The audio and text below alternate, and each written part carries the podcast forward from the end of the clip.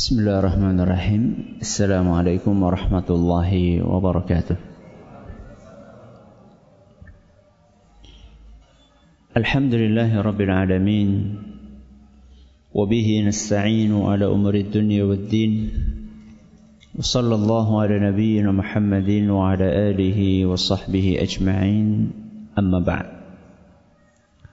Kita panjatkan puja dan syukur kehadirat Allah Tabaraka wa Ta'ala Pada kesempatan malam yang berbahagia kali ini Kita kembali diberi kekuatan, kesehatan, hidayah serta taufik dari Allah Jalla wa Sehingga kita bisa kembali menghadiri kajian rutin Untuk membahas adab dan akhlak di dalam Islam berdasarkan apa yang termaktub di dalam kitab Bulughul Maram karya Imam Ibn Hajar Al-Asqalani Kitabul Jami' kita berharap semoga Allah Subhanahu wa taala berkenan untuk melimpahkan kepada kita semuanya ilmu yang bermanfaat sehingga bisa kita amalkan sebagai bekal untuk menghadap kepada Allah Jalla wa Ala.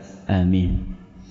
Salam dan salam semoga senantiasa tercurahkan kepada junjungan kita Nabi besar Muhammad sallallahu alaihi wasallam kepada keluarganya, sahabatnya dan umatnya yang setia mengikuti tuntunannya hingga di akhir nanti. Para hadirin dan hadirat sekalian yang kami hormati, dan juga segenap pendengar radio Vika Insani 88,8 FM di Purbalingga, Purwokerto, Banjarnegara, Cilacap dan sekitarnya. Pemirsa Yufid TV yang semoga senantiasa dirahmati oleh Allah Azza wa. Hadis yang terakhir kita kaji adalah hadis nomor 10 apa 11 kita telah menyelesaikan hadis yang ke-10 pada pertemuan yang lalu kita sudah memberikan prolog untuk masuk ke hadis yang ke-11 jadi pertemuan terakhir kita adalah tentang prolog sebelum memasuki hadis yang ke-11. Masih ingat tentang apa saat itu? Hah? Tentang etika. Etika? Etika makan dan minum. Bahwa di dalam agama kita makan dan minum itu diatur mulai dari apanya? Mulai dari porsinya. Kemudian apa yang dimakan dan juga cara makannya dan cara minumnya. Kita telah sampaikan pada pertemuan terakhir Nah hari ini kita akan memasuki kepada inti dari hadis yang nomor 11 tadi. Yaitu hadis yang berbunyi wa anhu qala qala Rasulullah sallallahu alaihi wasallam la yashrabanna ahadun minkum qa'ima. Dari beliau yaitu dari Abu Hurairah radhiyallahu anhu bahwasanya Rasulullah sallallahu alaihi wasallam bersabda la yashrabanna ahadun minkum qa'ima. Tidak boleh salah seorang dari kalian minum sambil berdiri. Hadis riwayat Muslim. Hadis ini menunjukkan larangan untuk minum sambil berdiri. Ustaz apa cuma ada satu hadis ini saja Ustaz? Banyak hadisnya. Yang dibawakan oleh Ibnu Hajar, Imam Ibnu Hajar dalam kitab Bulughul Maram itu salah satunya. Masih banyak hadis-hadis yang lain yang menunjukkan tentang dilarangnya minum sambil berdiri. Di antaranya عن أبي هريرة يقول قال رسول الله صلى الله عليه وسلم لا يشربن أحد منكم قائما Dari Abu Hurairah radhiyallahu anhu, Rasulullah SAW bersabda, tidak boleh salah seorang dari kalian minum sambil berdiri.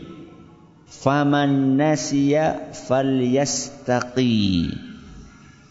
Barang siapa yang minum sambil barang siapa lupa minum sambil berdiri, hendaklah dia memuntahkan apa yang sudah diminumnya. Hadis riwayat Muslim. Bes kadung apa? Supaya dikeluarkan. Ustaz, itu kan minum Ustaz. Kalau makan gimana? Itu hadis kan bicara tentang minum. Kalau makan gimana Ustaz? Ada hadis yang berbicara tentang makan juga. Jadi hadisnya tidak cuma menyebutkan etika minum, termasuk etika makan. Hadis yang diriwayatkan oleh Imam Muslim juga. An Anasin anin Nabi sallallahu alaihi wasallam dari seorang sahabat bernama Anas radhiyallahu anhu. Dari Nabi SAW annahu naha an yashraba ar-rajulu qa'ima. Bahwasanya Nabi sallallahu alaihi wasallam melarang seseorang untuk minum sambil berdiri. Qala Qatadatu faqulna fal aklu. Maka seorang tabi'in yang mendengar hadis ini bertanya kepada Anas. Karena Anas ini yang langsung dengar hadis itu dari siapa? Rasul SAW.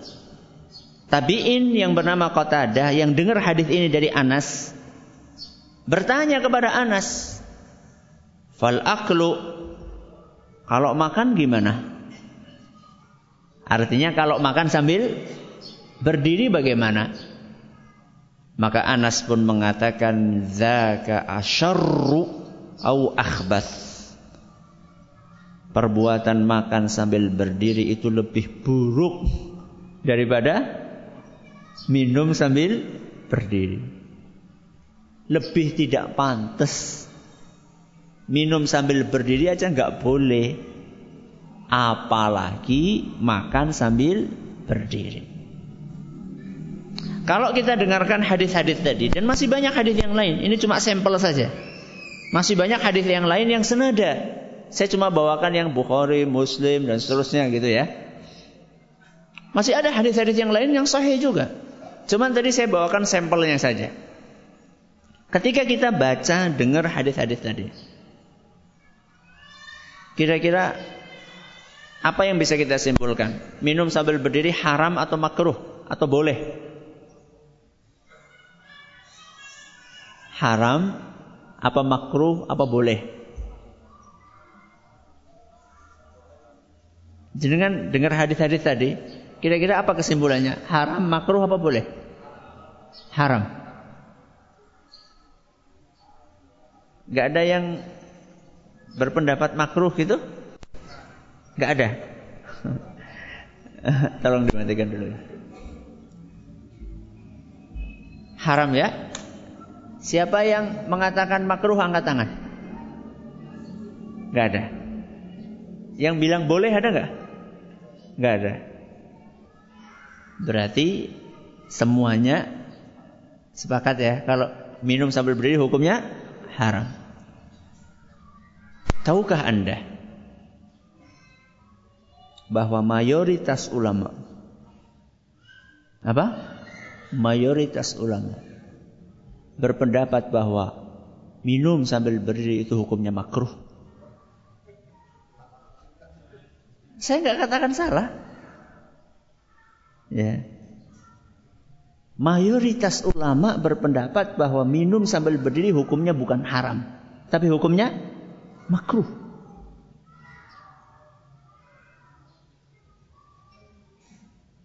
Berarti tadi pendapat antum haram salah. Salah? Ini cepat teman gue ganti. Saya tidak katakan salah. Karena pendapat yang tadi panjenengan sampaikan itu juga dianut oleh sebagian ulama. Jadi kalau jenengan berpendapat haram, tidak apa-apa. Jadi jangan ujuk-ujuk merubah, merevisi apa? Pendapat. Ya. Tapi kita perlu tahu bahwa ternyata ada ulama. Bahkan bukan ada, tapi banyak Bahkan bukan banyak tapi kebanyakan alias mayoritas. Ulama berpendapat bahwasanya hukumnya itu makruh. Kira-kira ulama-ulama tadi itu yang berpendapat bahwa minum sambil berdiri itu tidak sampai level haram, tapi hanya sampai level apa? Makruh. Kira-kira mereka itu berbicara pakai dalil punya landasan atau tidak kira-kira? Kira-kira mereka punya landasan tidak? Punya. Kira-kira mereka tahu nggak hadis-hadis yang kita baca tadi? Tahu. Mereka tahu. Karena yang kita obrolkan sekarang ulama bukan ulama-ulamaan. Tapi ulama beneran. Mereka lah ulama-ulama yang uh, telah teruji. Ulama-ulama yang istilah dalam dunia pesantren ulama-ulama mu'tabar. Ulama yang dianggap keilmuannya, sudah dipercaya kejujurannya, keilmuannya. Maka tidak mungkin mereka itu berbicara tanpa dasar. Ustaz boleh tahu Ustaz dasarnya apa? Saya akan bacakan beberapa hadis yang bisa dipahami dari hadis itu bahwa Nabi SAW pernah minum sambil berdiri. Para sahabat juga seperti itu. Contoh misalnya. An Ibni Abbas radhiyallahu anhu maqala. Dari seorang sahabat Nabi SAW namanya Ibnu Abbas. Abdullah Ibnu Abbas. Radhiyallahu anhu maqala. Beliau berkata. شرب النبي صلى الله عليه وسلم قائما من زمزم bahwasannya Nabi Shallallahu Alaihi Wasallam pernah minum sambil berdiri ketika minum air zam-zam. Hadis riwayat Bukhari dan Muslim. Ibnu Abbas berkata bahwa beliau pernah melihat Nabi SAW minum sambil berdiri saat minum zam-zam. Ustaz, itu kan zam-zam Ustaz. Sedangkan yang kita minum adalah air mineral biasa Ustaz. Oke. Ada hadis yang lain. Ada hadis yang yang lain. Dari Aisyah radhiyallahu anha, anna an-nabiy sallallahu alaihi wasallam dakhala 'ala imra'atin minal ansar. Pada suatu hari Nabi Shallallahu Alaihi Wasallam bertamu ke rumah salah seorang sahabiyah. Sahabiyah itu adalah sahabat putri wanita. Dari golongan Ansar wa fil baiti qirbatun mu'allaqatun. Dan di rumah sahabiyah tersebut ada semacam bejana. Isinya air tergantung di situ. Ditempelkan di di dinding. Fakhtanathaha wa syariba wa huwa qa'im. Kemudian oleh Nabi SAW mulut dari bejana itu dibelokkan kemudian beliau minum sambil berdiri. Dan itu di, di hadis itu tidak disebutkan bahwa air yang diminum adalah air zam-zam. Hadis riwayat Ahmad dan nyatakan hasan oleh Al-Arnaut. Bukan hanya Nabi Shallallahu Alaihi Wasallam. Bukan hanya Nabi SAW. Para sahabat juga pernah melakukan hal tersebut, yaitu makan dan minum sambil berdiri. An Ibnu Umar dari sahabat Ibnu Umar radhiyallahu anhuma, "Kunna na'kulu ala ahdi Rasulillah SAW wa nahnu namshi." Di zaman Nabi Shallallahu Alaihi Wasallam kami biasa makan sambil jalan, bukan makan sambil berdiri, makan sambil jalan. Wa nashrabu wa nahnu qiyam dan kami biasa minum sambil berdiri. Hadis riwayat Tirmidzi nyatakan sahih oleh Syekh Al-Albani dan Syekh Ahmad Syakir. Itu kan Ibnu Umar Ustaz. Ibnu Umar sedang bercerita tentang kunna kami. Kami itu siapa? Sahabat, gak cuma satu. Para sahabat.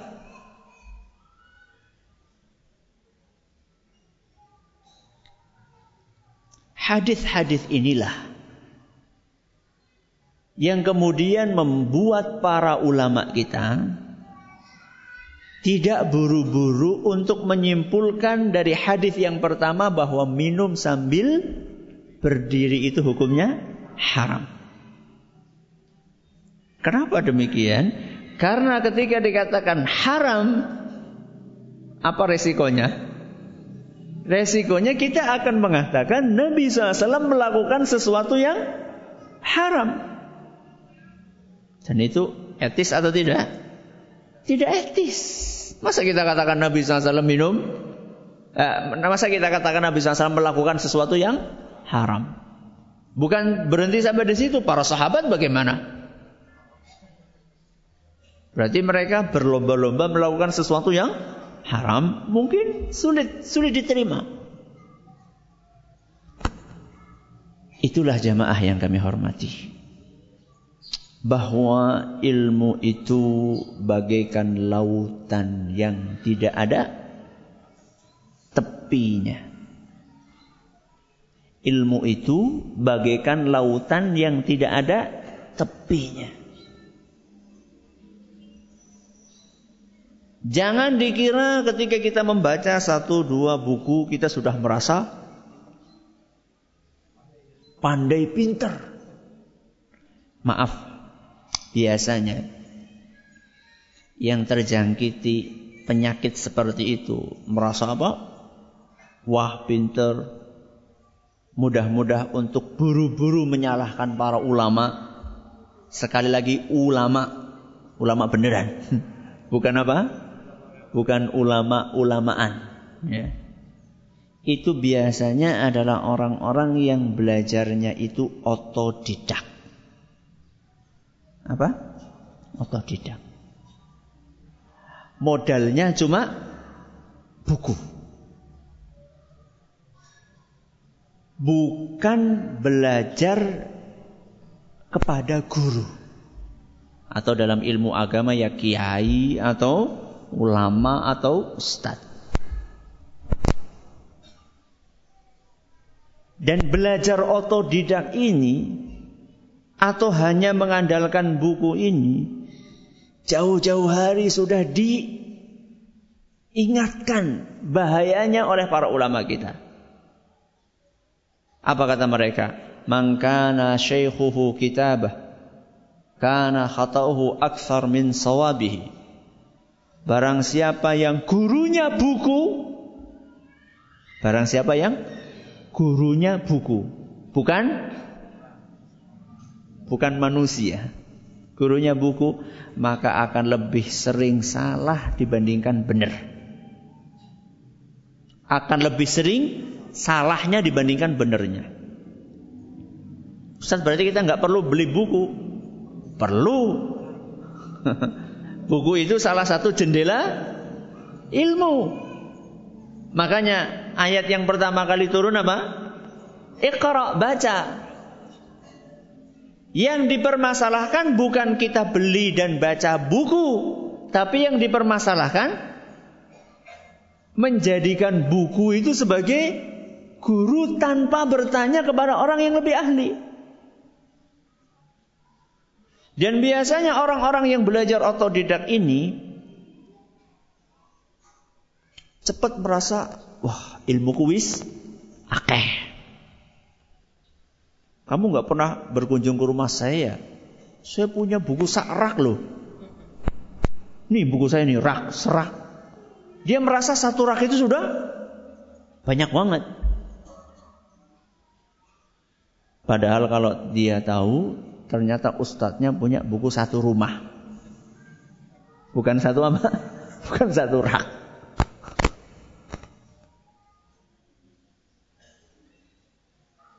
Dan ulama yang lain dan gurunya ustadz ini punya buku bukan cuma satu rumah tapi satu hall. Satu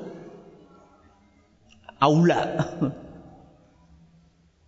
Ketika kita duduk seperti ini, kemudian mendengar keterangan, itu kita akan terus merasa, oh ternyata ilmu saya ini masih sedikit. Kalau merasa ilmu masih sedikit, maka terpacu untuk belajar. Salah satunya masalah ini. Ya. Ketika para ulama kita baca kitab, nemu ada hadis yang melarang minum sambil berdiri. Tapi begitu baca lagi ternyata ada hadis yang menunjukkan bahwa Nabi SAW pernah minum sambil berdiri. Maka di situlah tugasnya para ulama untuk memikirkan bagaimana cara mengkompromikan antara dua hadis ini yang kelihatannya saling bertentangan kasih garis bawah cetak tebal di kata-kata kelihatannya. Tadi saya katakan dua hadis ini bertentangan. Apa dua hadis ini kelihatannya bertentangan? Kelihatannya bertentangan. Karena kalau dikatakan bertentangan tidak mungkin masa dalil sama dalil saling bertentangan. Ya. Kalau bikinan manusia bertentangan mungkin enggak? Mungkin. Undang-undang anu bertentangan dengan undang-undang anu mungkin? Mungkin. Karena yang bikin manusia. Aturan anu bertentangan dengan aturan anu. Mungkin? Mungkin. Karena yang bikin manusia. Lah dalil dari siapa? Allah. Gak mungkin sesuatu yang dari Allah itu saling bertentangan. Maka saya katakan kelihatannya bertentangan. Padahal kalau kita dalami lebih dalam lagi, kita akan temukan sebenarnya antara dua dalil itu tidak bertentangan. Nah, tugasnya ulama itu tadi mencari jalan mengkompromikan antara dua dalil itu. Dan mereka punya cara yang beragam dalam mengkompromikan antara dalil-dalil tersebut. Ada yang memilih pendapat atau memilih metode namanya metode tarjih. Apa tarjih? Sering dengar nggak istilah tarjih? Sering. Apa coba? Himpunan tarjih. Apa tarjih? Tarjih itu ya kira-kira mengunggulkan salah satu pendapat. Memilih, oh pendapat ini lebih unggul. Ini ada ulama mengambil metode ini tarjih. Sehingga ulama yang ini mengatakan hadis-hadis yang melarang lebih unggul dibandingkan hadis yang membolehkan. Dan ada pendapat sebaliknya, enggak yang lebih unggul yang membolehkan, bukan yang melarang. Ini metode yang pertama. Metode yang kedua ada sebagian ulama memilih pendapat nasakh namanya. Apa nasakh? Nasakh itu ada penghapusan hukum. Jadi menurut mereka hadis yang melarang ini menghapuskan hukum membolehkan. Jadi awalnya pernah boleh, kemudian dilarang.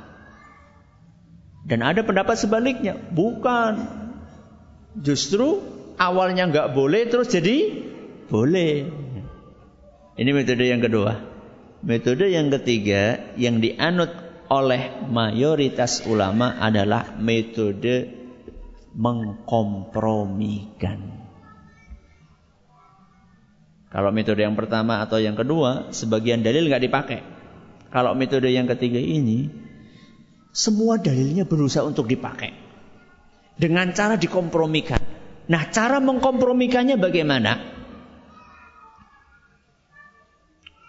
Kata Imam Nawawi, cara mengkompromikannya adalah dengan mengatakan bahwa hadis-hadis yang berisi larangan minum sambil berdiri itu menunjukkan makruh. Bukan apa?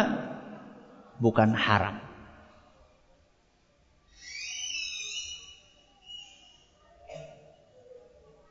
Iya, terlarang, tapi tidak sampai level haram. Tapi levelnya sampai makruh saja. Lah, itu kan cara kita memahami hadis yang melarang. Terus bagaimana cara kita memahami hadis yang membolehkan? Nabi minum sambil berdiri dan seterusnya. Para sahabat makan sambil berjalan minum sambil berdiri.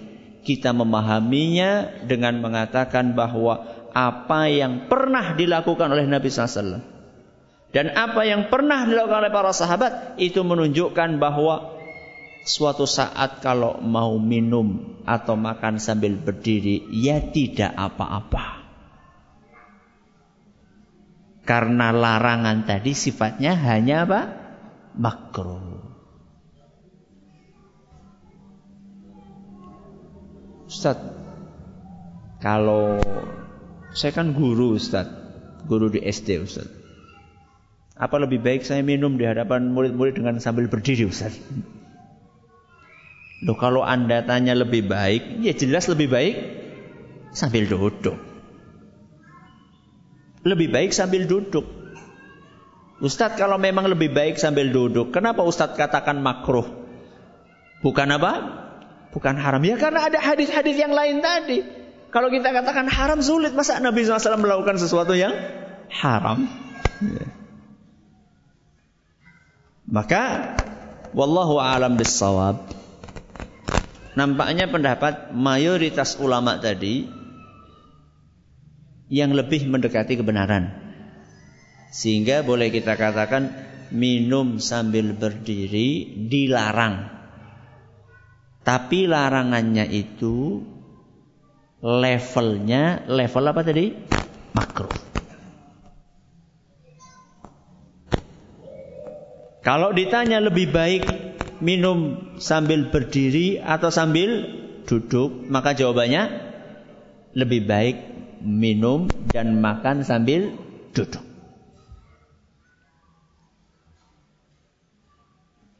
Apalagi kalau kondisinya tidak memungkinkan untuk sambil duduk. Contohnya kapan?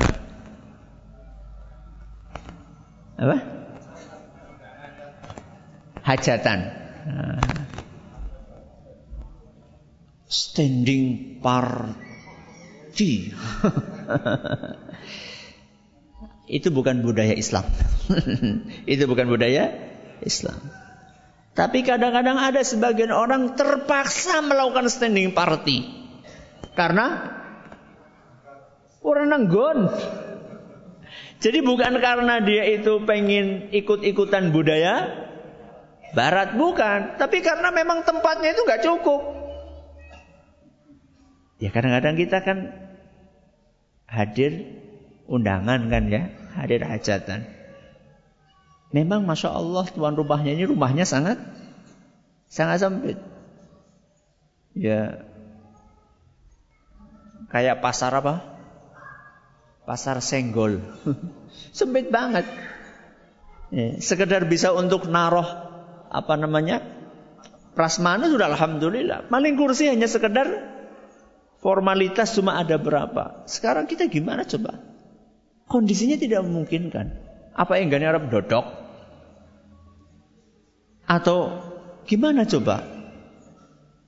Maka dalam kondisi seperti itu tidak apa-apa. Makan dan minum sambil berdiri. Tapi kalau misalnya kursinya tersedia banyak. Ngapain kita? Berdiri. Dan memang maaf nih ada sebagian orang itu terlalu silau dengan budaya budaya barat. Katanya keren katanya. katanya modern. Katanya ini lebih maju daripada sambil duduk. Kalau itu sih lain masalah itu. Ya. Pernah kadang-kadang kita diundang hajatan di sebuah gedung besar. Kursinya banyak ratusan kursinya. Masih aja ada yang makan sambil berdiri. Ya wis lah, mungkin dia menganut paham bahwa itu hukumnya makruh. ya. Jadi apa yang kami sampaikan tadi bukan dalam rangka ngajari memotivasi untuk minum dan makan sambil berdiri bukan. Maka jangan sampai nanti ada keliru pemahaman. Ngaji nengkana malah kon apa? Kon pada ngaduk guling gitu. Siapa yang ngomong seperti itu? Tidak. Ya. Ketika kita katakan makruh, itu apa yang bisa Anda pahami? Makruh itu berarti sebaiknya dilakukan atau sebaiknya ditinggalkan? Sebaiknya ditinggalkan. Makruh. Makruh itu kalau diterjemahkan secara bahasa itu artinya apa? Di dibenci. Apa? Dibenci. Dari kata dasar kariha yakrohu yaitu artinya membenci. Kalau makruh berarti di dibenci. Kalau sudah dibenci, oh ngapain kita kita lakukan? Ngapain kita lakukan? Apa yang kami sampaikan tadi adalah untuk menambah wawasan kita supaya lebih luas lagi sehingga kita tidak mudah-mudah cepat-cepat untuk menjustis seseorang. Buh, ana ustad-ustad mangan permen karo ngadeg. Gimana sih Ustadz itu? Ustadz ini enggak patut dijadikan apa? Dijadikan contoh. Jangan buru-buru. Jangan buru buru-buru. Tanya, Ustadz, kemarin kayaknya Ustadz makan permen sambil berdiri Ustadz. Itu tolong Ustadz kami dijelaskan. Oh, saya lupa. Mungkin. Oh, saya saat itu menganggap bahwasanya makan sambil berdiri itu hukumnya tidak haram. Saya berpendapat bahwa hukumnya adalah makruh. Oh ya, Ustaz, tidak apa-apa. Kalau saya Ustaz berpendapat hukumnya haram, ya monggo. Makanya kan tadi saya tidak salahkan kan? Apa saya tadi menyalahkan panjenengan ketika berpendapat hukumnya apa? Haram. Coba sekarang, jenengan mau ikut yang mana? Haram apa makruh?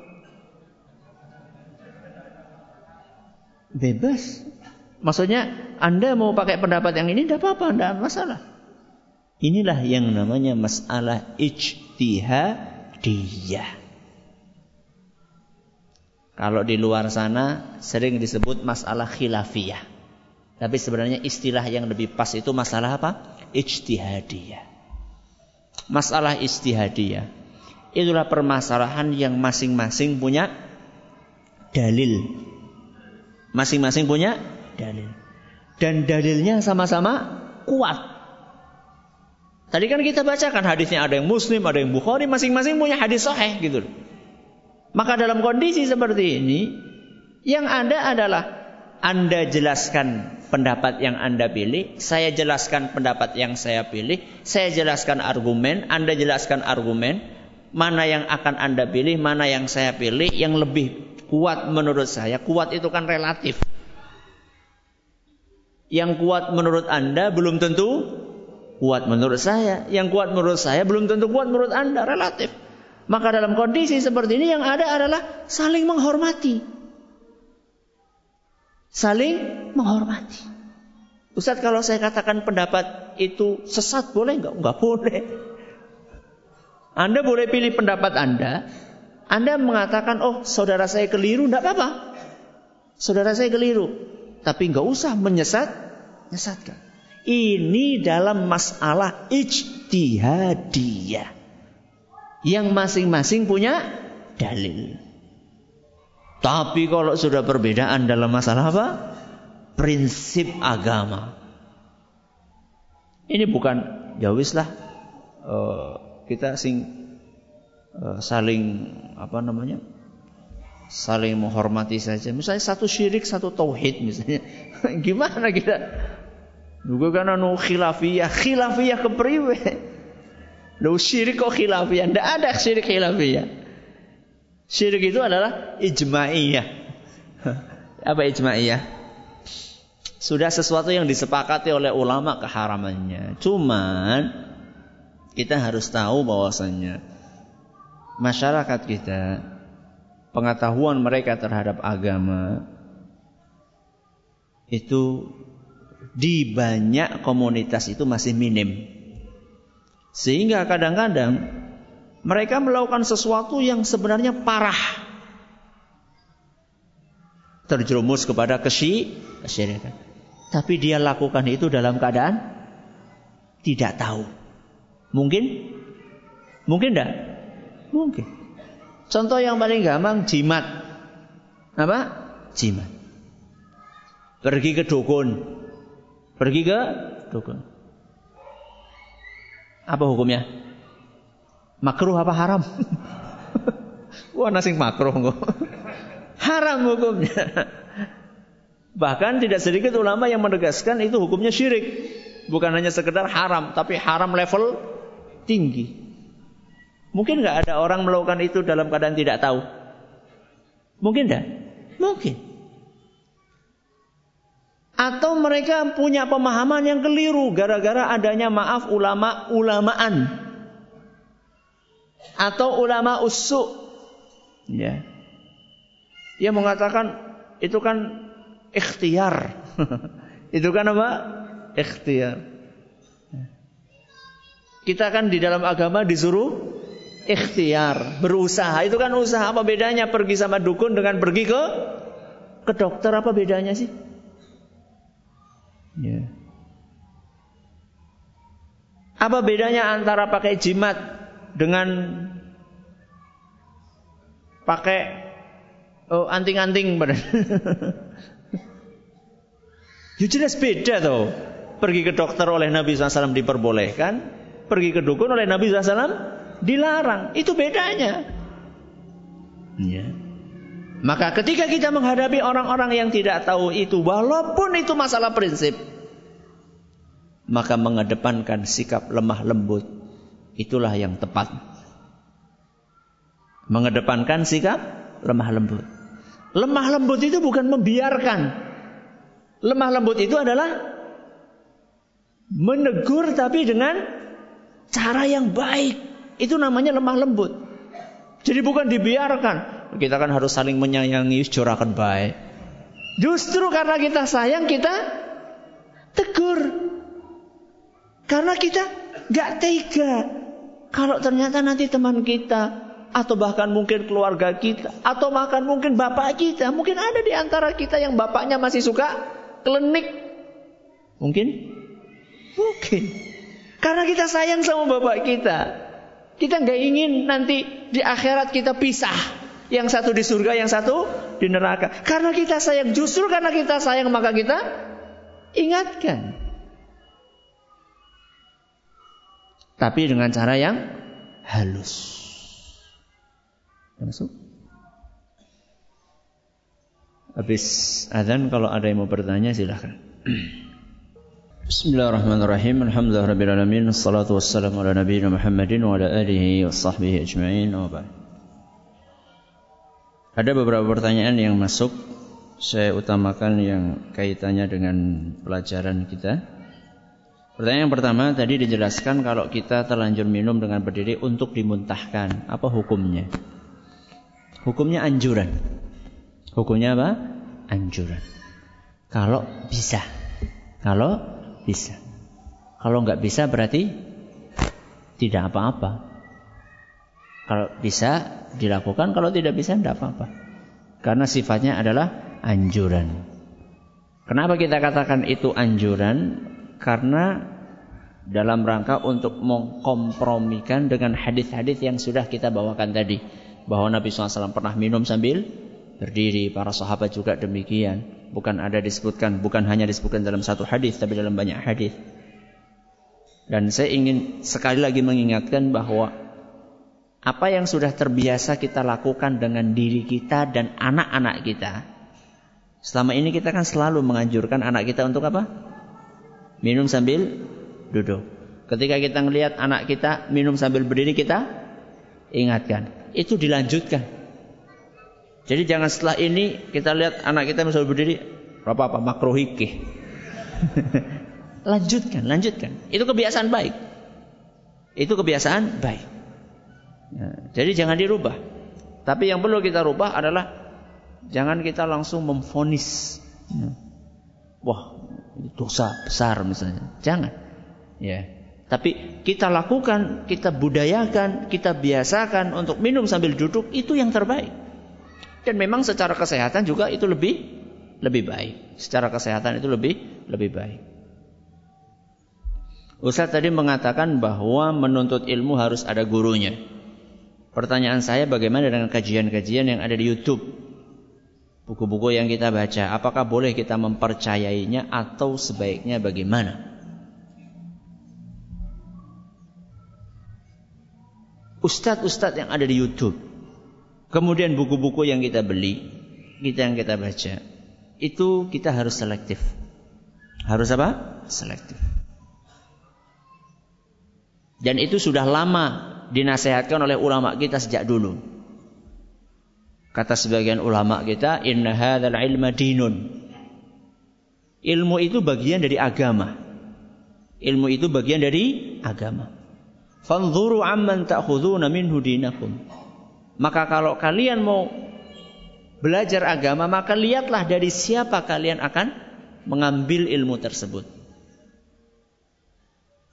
Saya merasa heran dengan sebagian orang yang begitu selektif dalam urusan duniawi. Tapi tidak selektif dalam urusan agama. Itu buat saya itu aneh bin bin ajaib. Ibu-ibu tuh loh mau beli pelembab wajah saja. Itu researchnya itu luar biasa. Ya. Jadi baca di majalah anu, buka di web anu, bandingkan antara ini dengan ini. Efek negatifnya bagaimana, efek positifnya bagaimana, ngelihat testimoni dari ini dan itu. Padahal cuma mau beli apa? Pelembab wajah. Kita juga kalau mau beli HP kan melakukan komparasi.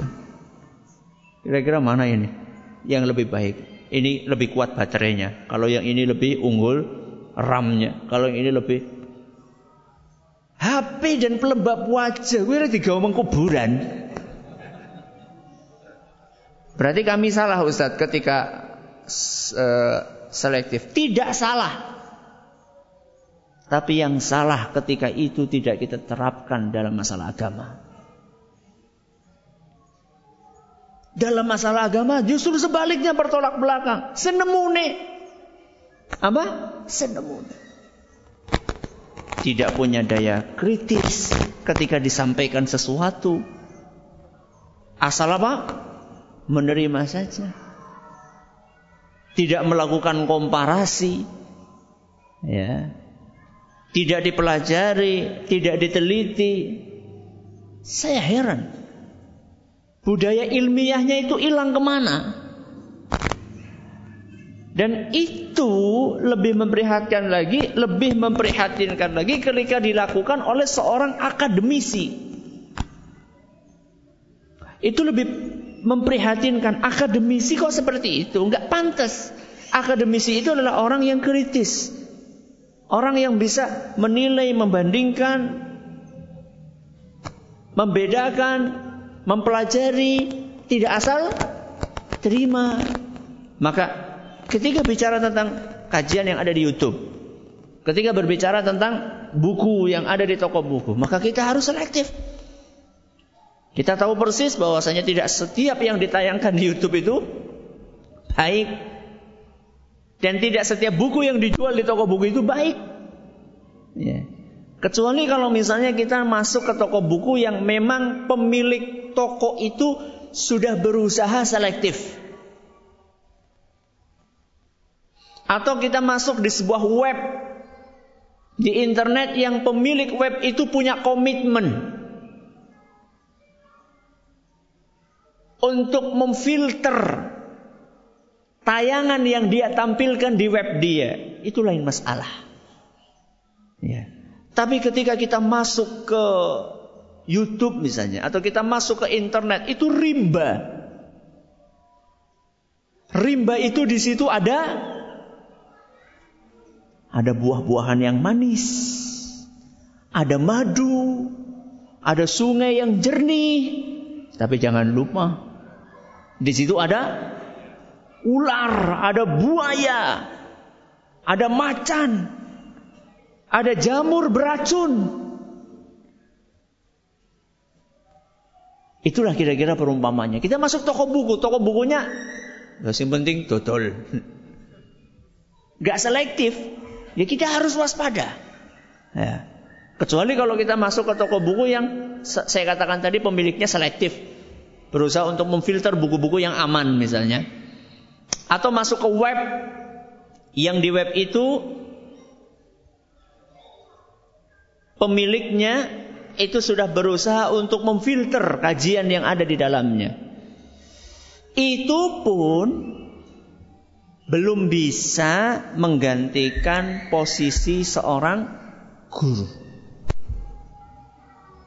kan di YouTube kan guru juga Ustadz. Betul, itu guru. Akan tetapi guru ini tidak bisa kita kita tanyai. Bisa kok Ustadz kita SMS di bawah. Kapan dijawabnya? Bahkan kadang tidak di tidak dibaca. Kita komen itu kadang-kadang nggak dibaca. Kecuali ada sebagian ustadz yang masya Allah mereka itu masya Allah ya punya punya semangat yang luar biasa maka tetap butuh apa? Guru. Ketika kita seperti ini kita saling saling berinteraksi. Terima kasih atas perhatiannya. Mohon atas segala kurangnya kita tutup dengan membaca Subhanakallahumma wa bihamdika asyhadu an la ilaha illa anta astaghfiruka wa atubu ilaik. Assalamualaikum warahmatullahi wabarakatuh.